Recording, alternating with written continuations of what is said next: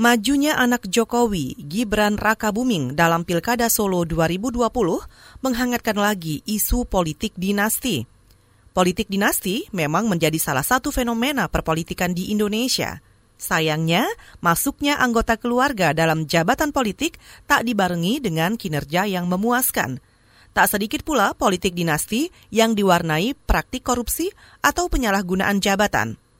Simak laporan tim KBR yang dibacakan Astri Yuwanasari berikut ini. Jejak politik dinasti di Indonesia tak bisa dilepaskan dari nama Ratu Atut Kosiah di Banten. Sejak menjabat Wakil Gubernur Banten pada 2002, ia kokoh di puncak kekuasaan Banten. Atut memenangkan pemilihan Gubernur Banten selama dua periode pada 2006 dan 2011. Selama itu, keluarga Atut Kosiah turut merasakan jabatan politik. Mulai dari Ibu Tiri, adik, ipar, hingga anak-anaknya. Mereka maju di pemilihan kepala daerah, anggota parlemen, dan aktif di partai.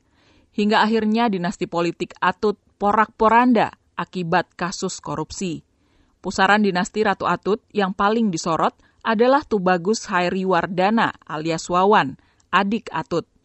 Oktober 2013, Wawan terjaring operasi tangkap tangan atau OTT KPK dari sini terkuak beberapa kasus korupsi yang melibatkan keluarga Ratu Atut. Wawan ditangkap KPK terkait kasus suap ke Akil Mukhtar, Hakim Mahkamah Konstitusi kala itu.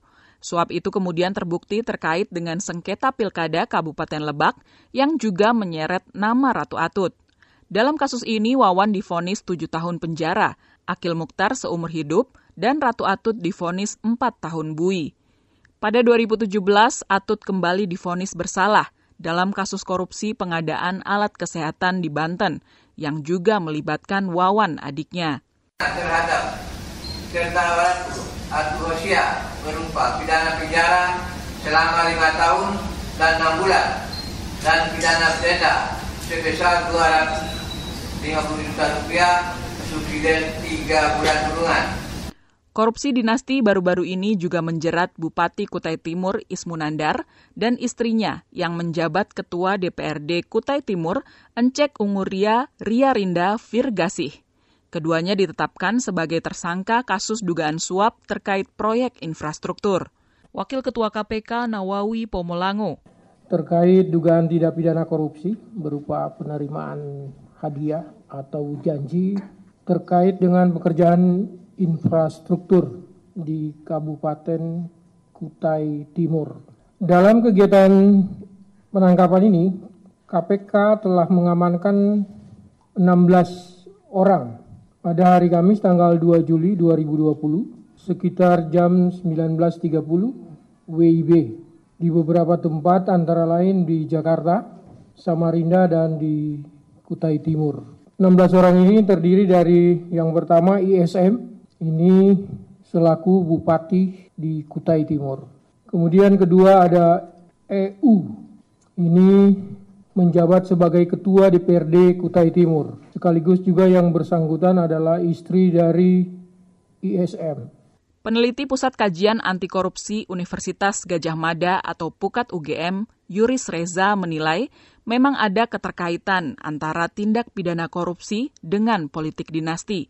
Menurutnya, dalam politik dinasti, sistem pengawasan menjadi lemah. Ia mencontohkan kasus korupsi di Kutai Timur. Ketua DPRD Kutai Timur yang seharusnya mengawasi kepala daerah justru ikut kong kali kong dalam proyek pembangunan infrastruktur. Selain itu, mahalnya ongkos politik menjadi salah satu potensi adanya politik dinasti.